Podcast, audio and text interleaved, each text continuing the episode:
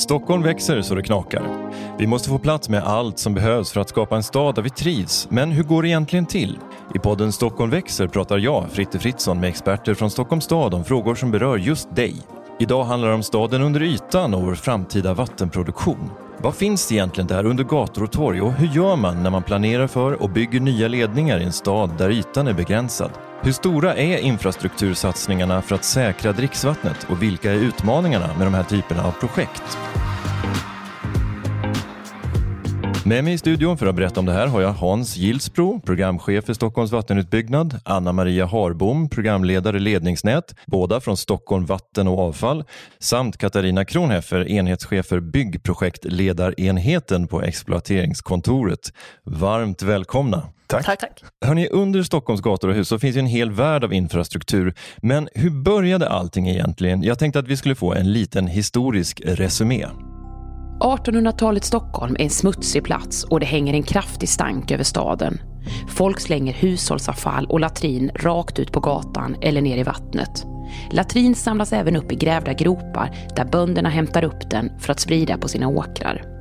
1834 inträffar den första och svåraste kolaraepidemin i Stockholm. Sommaren är torr, brunnarna sinar och vatten till matlagning får hämtas i sjön. Allmänna pumpar sätts upp vid stränderna men i flera fall ligger platserna nära avloppsdiken och latriner. Att vattenkvaliteten är dålig framförs från flera håll men man gör ingen koppling mellan orent vatten och smittan som sprids i staden eftersom kunskapen om bakterier ännu är så gott som okänd. Koleran tar nästan var tjugonde stockholmares liv. Men redan kring 1800-talets mitt börjar man uppmärksamma att vattenförsörjning, hygien och hälsa hör ihop.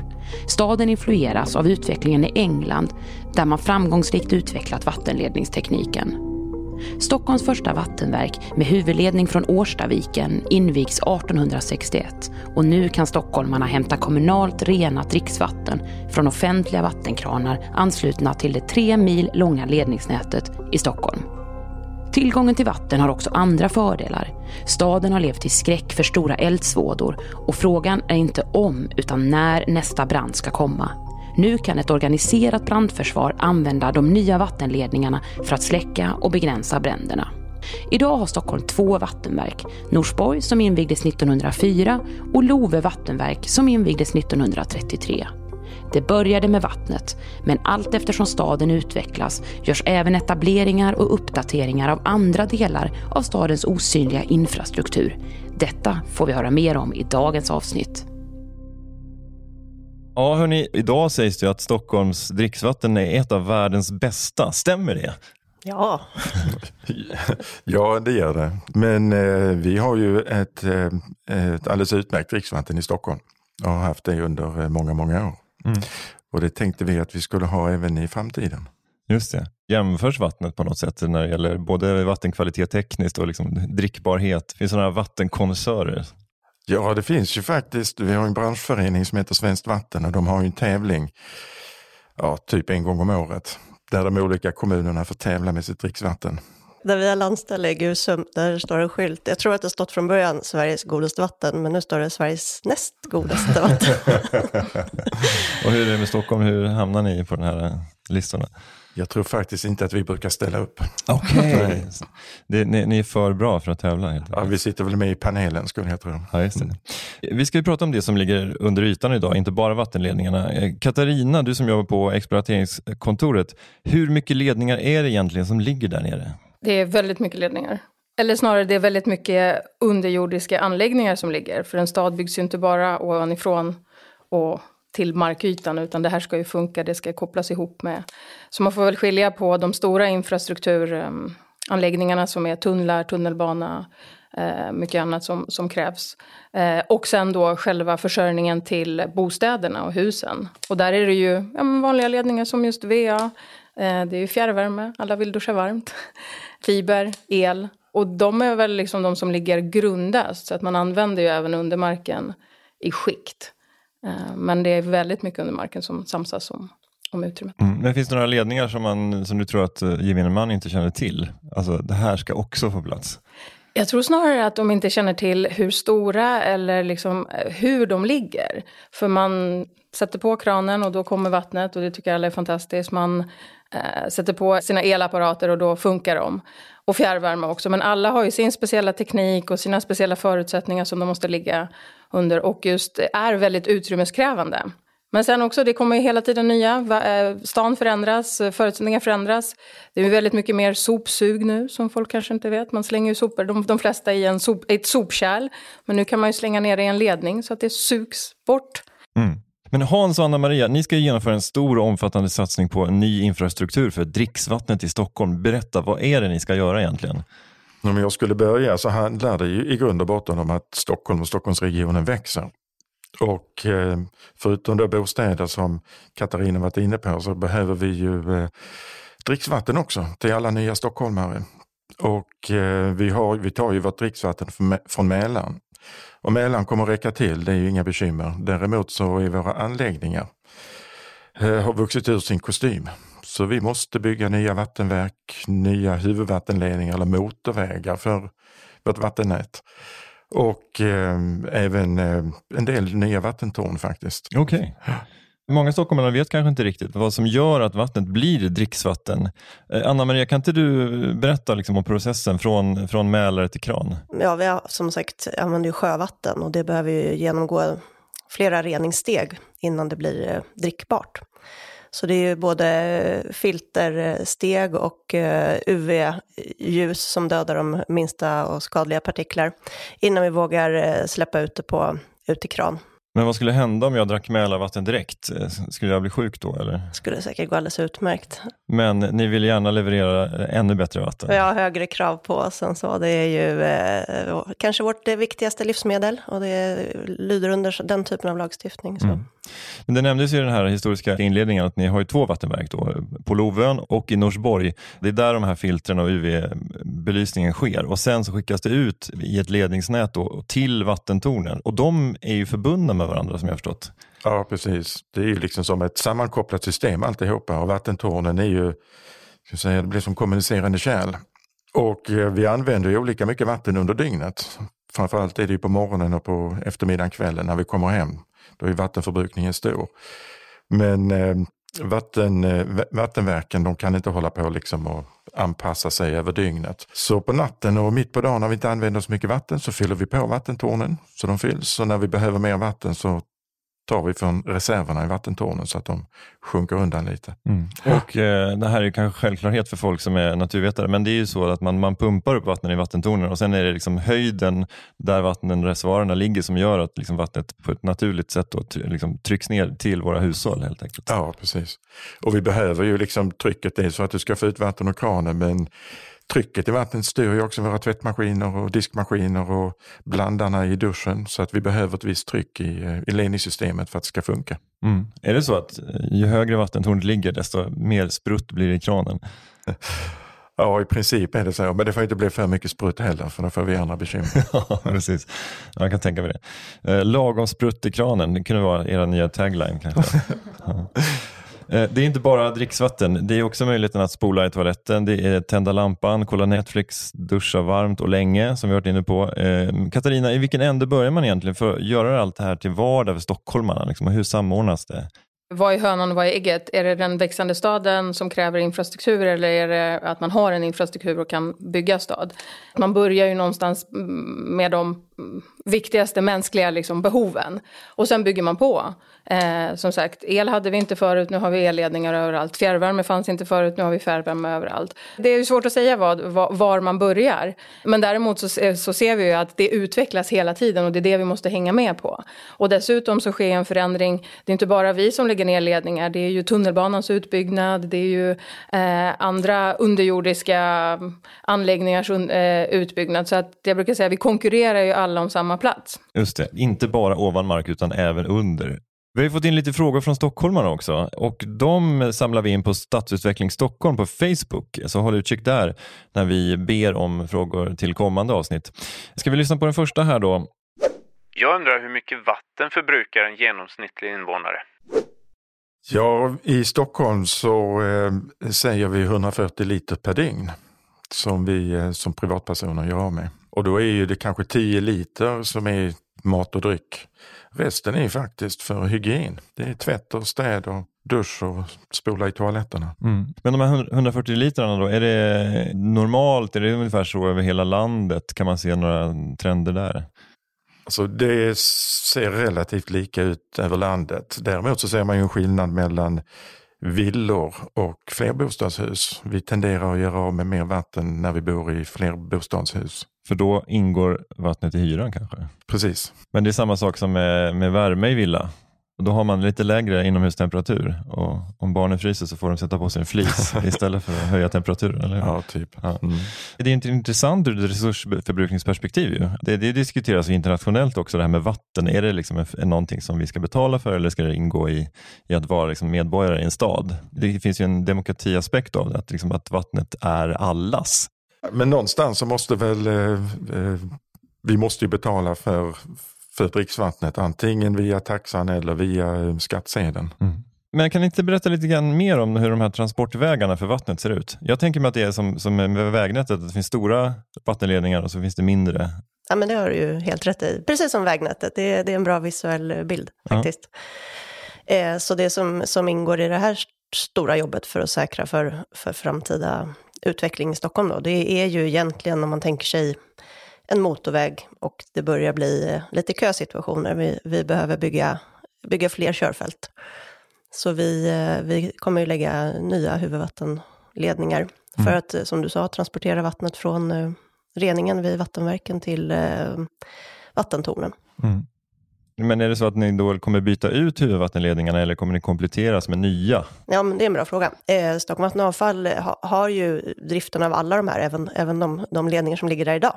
Och de måste ju fungera också i framtiden för att det här ska hålla. Det vi bygger nu är ju komplement till det som ligger, ligger idag, alltså en utbyggnad. Och det som, eh, det som finns och det som, som är i drift måste ju underhållas för att för att klara framtiden. Så. Mm. Det är ju en allmän eh, utmaning här, för vi inledde ju med att säga att vi har ju försörjt Stockholm i 160 år. Och det innebär ju att en hel, även om det har skett en utbyggnad och en ombyggnad under årens lopp, så har vi ju gamla grejer som ligger i backen och som parallellt med det här utbyggnadsprojektet behöver eh, bytas ut. Mm. Så att eh, det är ju lite grann här som när, man, när vi bygger om eh, trafikplatsen vid Norrtull, att vi ska samtidigt bygga det nya och sen ska det gamla funka. Så det blir mycket provisorier och mycket omläggningar och mycket stök på det viset. Mm. Ja. Jag funderade på det här Katarina pratade om med vad som, vad som är hönan och ägget, så att säga. Mm. Vår planering från Stockholm Vatten Avfall, det är ju att möta att Stockholm växer. Vi, vi bygger ju för att vi ser idag, alltså vi vet att vi måste bygga idag för att klara det Stockholm vi, vi siktar på några 2050 med 2,2 miljoner invånare. Så det är ju, det är ju ändå att vara eh, lite före. Vi vill inte att, att stockholmarna ska behöva eh, uppleva vattenbrist eh, på vägen dit, utan vi, vi planerar för framtiden. Just det. Och visst var det så att, att eh, Stockholm hade en väldigt så här, storskalig offensiv politik med vattenutbyggnad fram till 60-70-tal och sen så har, skedde det en avmattning. Det har inte investerats så mycket de senaste 40-50 åren, eller? Nej, det stämmer ju. Och Eh, man byggde ju ut hela dricksvattensystemet fram till 60 på 70-talet. Och, då, då, och det gjorde man ju dels på grund av att eh, vattenförbrukningen per, per person ökade kraftigt och man trodde att den skulle öka ännu mer. Sen kom ju eh, eh oljekrisen 73 som en del av oss kommer ihåg i varje fall. Vilket fick till, till följd att eh, ja, bland annat man, man började att titta på och komma på mer ska säga, energibesparande åtgärder på olika sätt och vis. Och det blev ju bland annat eh, snålare diskmaskiner, snålare tvättmaskiner, man kom in på snålspolande toaletter och så vidare. Och det innebar att eh, sakta men säkert så började vi använda mindre och mindre vatten. Så vi har eh, levt på de här investeringarna som vi gjorde på 60 och 70-talen nu i 50 år. Men nu har befolkningsutvecklingen eh, kommit ikapp oss. Mm. Så nu är det dags att ta nästa steg. De här vattentornen vi pratade om tidigare, vad kommer hända med dem då? Kommer de vara kvar eller ska de göras om? Eller? De kommer att vara kvar. För det första så är de alla i behov av renovering. De är ju rätt gamla de också, så vi ser över dem och moderniserar dem, både utvändigt och invändigt. Och sen eh, behöver vi bygga om några stycken av dem. De behöver bli större, för vi behöver magasinera mer vatten som vi var inne på. Och vissa av dem behöver bli högre också. för att vi ska klara det här trycket som vi pratar om, så att vi får sprutt i kranen.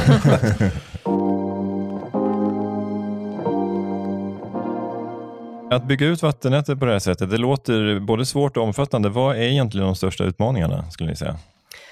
Alltså, när vi pratar om huvudvattenledningsnätet så är det, det, det är inga små ledningar. Det, det, är faktiskt enormt stora ledningar. De är i höjd ungefär som en normal stor tioåring. Så att det, det som ska ner tar ju otroligt mycket plats eh, i backen. Och eh, dessutom så, så krävs det ju större ytor än så när man väl, när man väl lägger ner det. Så att vi, vi är ju, vi är ju som, som vi var inne på tidigare, det, det är ju som att bygga ett nytt körfält på en motorväg. Det, det, det är utrymmeskrävande. Det, utrymmet framförallt skulle jag säga är, är ju liksom det som först poppar upp i huvudet. Mm. Och då är det en massa olika markägare man ska ta hänsyn till, även om kommunen kanske äger den mesta marken och sen är det en massa olika eh, särintressen. Det kan vara, ni ska genom ett naturreservat kanske? Ja, vi har ju naturreservat, vi, har ju, eh, vi måste ju passera vårt världsarv i Drottningholm, som är ju en utmaning i sig kan man ju säga. Eh, och vi ska ju passera sund och andra sjövägar och där måste vi ta hänsyn till båttrafik och, och andra, andra intressen. Eh, sen har vi då, förutom att det är stort att ta plats, så vi pratade om vattentornen här innan, att vi har ju ett uppbyggt system med vattentorn och knutpunkter och annat. Så vi måste ju nå då vissa platser rent geografiskt. Så vi är ju rätt så styrda över var, var vi kan bygga också. Mm. Mm. Som om inte det vore nog Katarina så, så, ska ju allt annat också då eh, både byggas och underhållas, alla ledningar i hela staden. Vem är det som har eh, totalbilden över liksom vilka ledningar som finns och var de är placerade någonstans? Ja, just totalkollen tror jag ingen riktigt har. Det finns inget sånt eh, skikt. Det är ju en liten hjärtefråga hos mig att driva på stadens undersiktsplanering. Nej, jag brukar ju säga så att precis som varje kommun har ett krav på sig att, att ha en översiktsplan så tycker jag att det, det borde finnas ett sådant krav, att man har en undersiktsplanering. För det, det, handlar ju om så mycket mer än bara mm, att allting ska funka utan det är ju, ja men som Anna-Marie var inne på, vi, vi konkurrerar ju alla om samma yta. Och vissa saker är självklara, jag menar ska stan, stan växa måste man ha vatten. Men man vill ju även ha grönytor, man vill ju även ha busshållplatser så att bussen stannar. Så allt kräver en fysisk plats. Mm. Och till slut så blir det ju liksom mindre och mindre av den platsen och vad kan man pruta på? Mm. Eh, så just att bara ha den här bilden klar för sig vad som ska ligga ovanför mark och vad som ska ligga under eller vad som kan ligga under mark. Eh, tiderna förändras. Jag menar, förr i tiden så hade man ju vatten ovanför mark också i akvedukter. Nu ligger ju allting under och som sagt avlopp. Och även, eh, även stora elledningar hängde ju på stolpar. Nu ska allting ner i backen. Finns det andra funktioner som skulle kunna åka ner så att vi frigör mer yta ovanför marken. Så att det, det handlar ju om så mycket sånt i den här samordningsfrågan. Men, eh, men sen också så här, när, när, eh, i stan har vi ju ett väldigt starkt eh, en stark ambition nu att bygga mycket på kort sikt, då, då kör man ju mycket per projekt. Ja, man ser till att det funkar och då ska man få till vatten och avlopp och el och allting. Men då, då tittar man liksom bara på den, det projektet och kanske inte zoomar ut tillräckligt. Just det. Men jag tänker rent praktiskt, om man då ska gräva ner en ny ledning någonstans mm. och, och eh, säga att man ska göra en ny uh, fiberledning då till exempel. Mm. Hur vet man då vad som finns där under marken där man själv ska gräva? Ja, I Stockholms stad har vi faktiskt fördelen att vi har eh, ja, flera olika plattformar. En av dem är att man köper eh, någonting som vi kallar för samlingskarta karta där man eh, får se ett utsnitt. Vad finns det under backen? Och då är det ju en funktion eh, på trafikkontoret som, som kollar av med ledningsägarna. Eh, men då får man ju se det här lilla utsnittet, det är en produkt man köper. Sen har vi två plattformar som heter GSP och Gatuarbete webb där alla ledningsägare kan lägga in sina planerade projekt så att man kan titta på, på varandras ambitioner, intentioner. Eh, men det är också, alla är inte med, allting får inte visas. Eh, för det ska man ju också ha klart för sig. Det, förutom att det här är stort och viktigt och så, det, vi har ju även en stark säkerhetsaspekt kopplat till det. Allt får ju inte visas. Dels så har eh, Stockholm Vatten och Avfall har ju livsmedelsproduktion och den lagstiftningen att förhålla sig till och vi har ju även en väldigt stark säkerhetslagstiftning att förhålla oss till. Ja, men det har man ju sett i, i superhjältefilmer att det är någon som lägger ner något pulver i, i dricksvatten, alltså försörjningen och så blir det någon så här konstig mutation på befolkningen i hela New York. Så, så det, det, förstår man ju alltså, på något plan att det, det är viktigt att, att det finns en, en, säkerhet kring det här såklart. Men sen också som sagt, alltså vi, vi kämpar lite i fördolda vi som gillar undermarksfrågor. Det som syns inte, det finns inte, det bara funkar. Men det är så få gånger i Stockholm det inte funkar så att man förstår inte vilken apparat som krävs för att... Men då måste man ändå ge en applåd till vattenförsörjningen för att jag menar vattnet kommer ju alltid. Alltså jag har liksom aldrig varit med om att vatten, jo en enstaka gång kanske. Nej, det är ju tur det för att det tar ju inte långt, alla som har varit utan vatten inser ju att efter bara några timmar så börjar det bli riktigt jobbigt. Verkligen, men det här med att planera för en utbyggnad av ett uh, vattenledningssystem på det här sättet, hur mycket tillstånd krävs då? Hur regleras det här av olika myndigheter? Det är bra att du tar upp den aspekten för det är, det är ju klart att det som är mest påtagligt är ju att komma fram rent fysiskt, geografiskt. Men eh, eh, en stor, stor uppgift för oss eh, handlar om att säkra alla tillstånd som vi kommer att behöva. Och det handlar allt ifrån att vi behöver tillstånd från eh, Länsstyrelsen att ta ut mer vatten ur Mälaren. Även om vi har sagt att Mälaren räcker till så måste vi ha tillstånd för de nya vattenuttagen.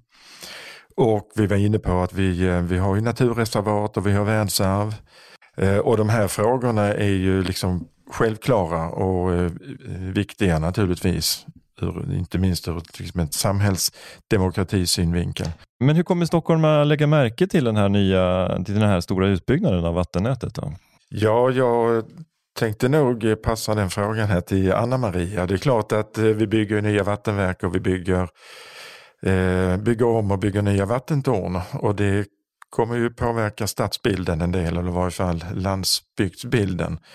Men eh, eh, den stora inverkan tror jag kommer bli kring det som inte syns, det vill säga ledningsnätsutbyggnaden. Eller, eller hur Anna Maria? Ja, men, men så är det ju. Så är, så är det ju med all på något sätt eh, sån här infrastruktur och vi har varit inne på tunnelbanan, vi har varit inne på att jämföra oss med stora vägnät. Eh, jag tycker vi kanske den fördel vi har är ju att vi inte att vi inte kommer påverka vattenproduktionen medan vi bygger. Alltså vi kom, även om vi bygger ett nytt körfält så kommer vi inte behöva göra stora trafikavstängningar om jag gör den jämförelsen då. Men det är klart att, att när vi gör eh, gropar i marken eh, och kanske bussen måste, måste vänta på, på en passerande bil och så vidare så, så kommer det ju märkas eller på ute i gatumiljön. Och vi hoppas ju såklart på förståelse och kanske det här är ett led i det, att, att, man, att man är medveten om att man genom att eh, förstå varför vi bygger också kan liksom se att eh, Stockholm växer och att man är en del av, av en liksom eh, utvecklande region och så. Med tanke på allt som händer med Slussen och andra ombyggnadsprojekt så tror jag att Stockholm har, ganska så bra tålamod med att, eh, att stan byggs om och till hela tiden. Vattenverksfrågan då, alltså förutom Loven och Norsborg, kommer det byggas några nya vattenverk eller kommer de byggas till och byggas om? Det är både och. Vi håller för närvarande på faktiskt och lägger sista handen vid eh, ett arbete som går ut på att bestämma oss för var vi ska lägga det nya vattenverket. Vi kommer behöva bygga ett nytt vattenverk. Och antingen så lägger vi det vid någon av de befintliga verken eller så möjligen på något, på något nytt ställe. Ja. Så blir det som med Ringhals 1 och Ringhals 2, att det blir så här Norsborg 1 och 2? ja, det är faktiskt redan idag Norsborg 1 och 2. Okay. Det, är, det, är ja. så, det är som två parallella verk. Ja, jag, var, jag var ganska mm. nära sanningen. Ja, ja, faktiskt. Vi har ju fått in en till lyssnarfråga som kanske du kan svara på Katarina. Vi bygger ju staden på höjden, men hur djup kan en stad bli? Kommer vi fortsätta gräva oss djupare? Rolig fråga. Eh, ja, vad ska man svara på där? Alltså, hur djupt? Det, man kan väl gräva hur djupt som helst, tänker jag. Frågan är hur djupt vill man gräva? Jag menar, gruvindustrin har ju visat att det går, det går ju att hamna långt ner. Och även, det finns faktiskt ett hotellrum i Sala silvergruva, gamla, Ja, men vill man bo i hotell under marken? Ja, det är, en, det är en annan fråga. Så jag tror tekniskt sett har vi ju all möjlighet i världen att, att bygga en stad under staden och det har ju flera städer i, i världen visat. Eh, I Stockholm kanske det är mer en fråga just eh, vad vill man ha under marken? Vill man gå i gallerier under marken? Vill man ha idrottshallar under marken? Eh, ja, ja, men då kan vi ju säkert säkerställa att det skulle kunna vara möjligt. Mm. Sen har vi ju alltid ja, det tråkiga baksidan på myntet, någon, någon, måste ju kunna betala för det här. Finns det en investering att göra som, som sen eh, men, men tekniskt sett kan man just bygga Tunnelbanan utmanar ju lite nu med just att bygga det. väldigt djupa stationer Precis. där man åker hissar. Och... Ja. ja, just den nya blå linjen genom Södermalm bland annat. Där. Ja. Och även kanske placera just ja, men lite affärer, lite saker på vägen så att det inte bara är en tunnelbana. Men jag tror att det krävs ju en ganska stor vad ska man säga, förändring i, eh, i hur man ser på undermarken. Vad vill jag göra under marken? Att åka tunnelbana, det, det tror jag alla, ja men det köper jag, det vill jag göra. Men vad mer mm. eh, skulle man vilja göra mm. under marken? Men nu är det ju så att eh, det känns på ett sätt lite gammaldags med alla de här ledningarna under marken. För det är så att man, man, man gräver eh, upp jord och sen så lägger man ner ledningen så fyller man på med jord. Och Är det någonting fel med ledningen så då får man gräva upp igen och så öppna upp och sen så se vad som är fel. Ja, men jag kan ju svara från Stockholm Vatten Avfalls sida så, så har vi alla möjliga eh, typer av eh, lösningar. Eh, dels har vi absolut kulvertar och tunnellösningar. Eh, sen finns det ju faktiskt sätt att lägga ner traditionella rör även utan att gräva upp gatan i större omfattning också med trycka under till exempel. Vilket kanske framförallt är aktuellt om man ska under hårt trafikerade vägar eller den typen av saker. Men du får gärna berätta mer om det här med liksom att trycka, eller är det att man, man, man öppnar på en sida så bara, och så matar man in med rör helt enkelt? Ja, men precis, och det beror ju såklart på vad det är för material, men då får du liksom gräva dig fram eller borra dig fram eh, i det material som, som du ska igenom och då, då räcker det ju, om man uttrycker sig så, då, med med en grop på ena sidan och en grop på andra sidan som, som ett, ett ställe där du börjar och ett ställe där du tar emot. Och det, det kan ju vara behändigt. Eh, när, när, det, ja, när det funkar. När det funkar, mm. ja. Hur mycket mer vatten är det tänkt att eh, stockmarna ska få i framtiden? Ja, vi pratar ju om en produktionsökning på 40 procent. Så det är ju rätt mycket vatten. Och när vi är klara så kommer vi, eh, kommer vi producera drygt 600 000 kubikmeter per dygn. Det kanske inte säger så mycket men om man jämför med Globen som är på 600 000 kubikmeter så är det drygt en Globen om dagen som eh, vi ska producera som folk gör av med. Wow. Den här produktionsökningen på 40 procent, bygger det på någon slags eh, strategisk planering eller som ni själva gör? Eller? Ja, alltså i grunden så bygger det ju på den strategiska planeringen som Region Stockholm gör. Man gör ju en så kallad regional utvecklingsplan för Stockholms län som populärt förkortas RUFS. Det gör man ungefär vart, vart åttonde år. Som bygger på eh, Ja, alla Stockholmskommunernas planering sammanställer man och sen så lägger man ett regionalt perspektiv på det hela.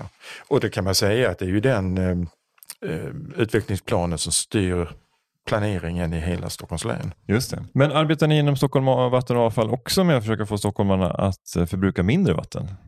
Jag skulle vilja säga att hittills så har ju eh, eh, Stockholm Vatten och Avfall huvudsakligen riktat sitt, eh, sitt budskap till på avloppssidan. Det, det, har ni säkert sett alla de här eh, affischerna och annonskampanjerna som har varit under årens lopp att man inte ska slänga ner tops och, och våtnäsdukar och så vidare. Och fokus har ju väldigt mycket handlat om ett bättre avloppsvatten för att rädda Östersjön helt mm. enkelt.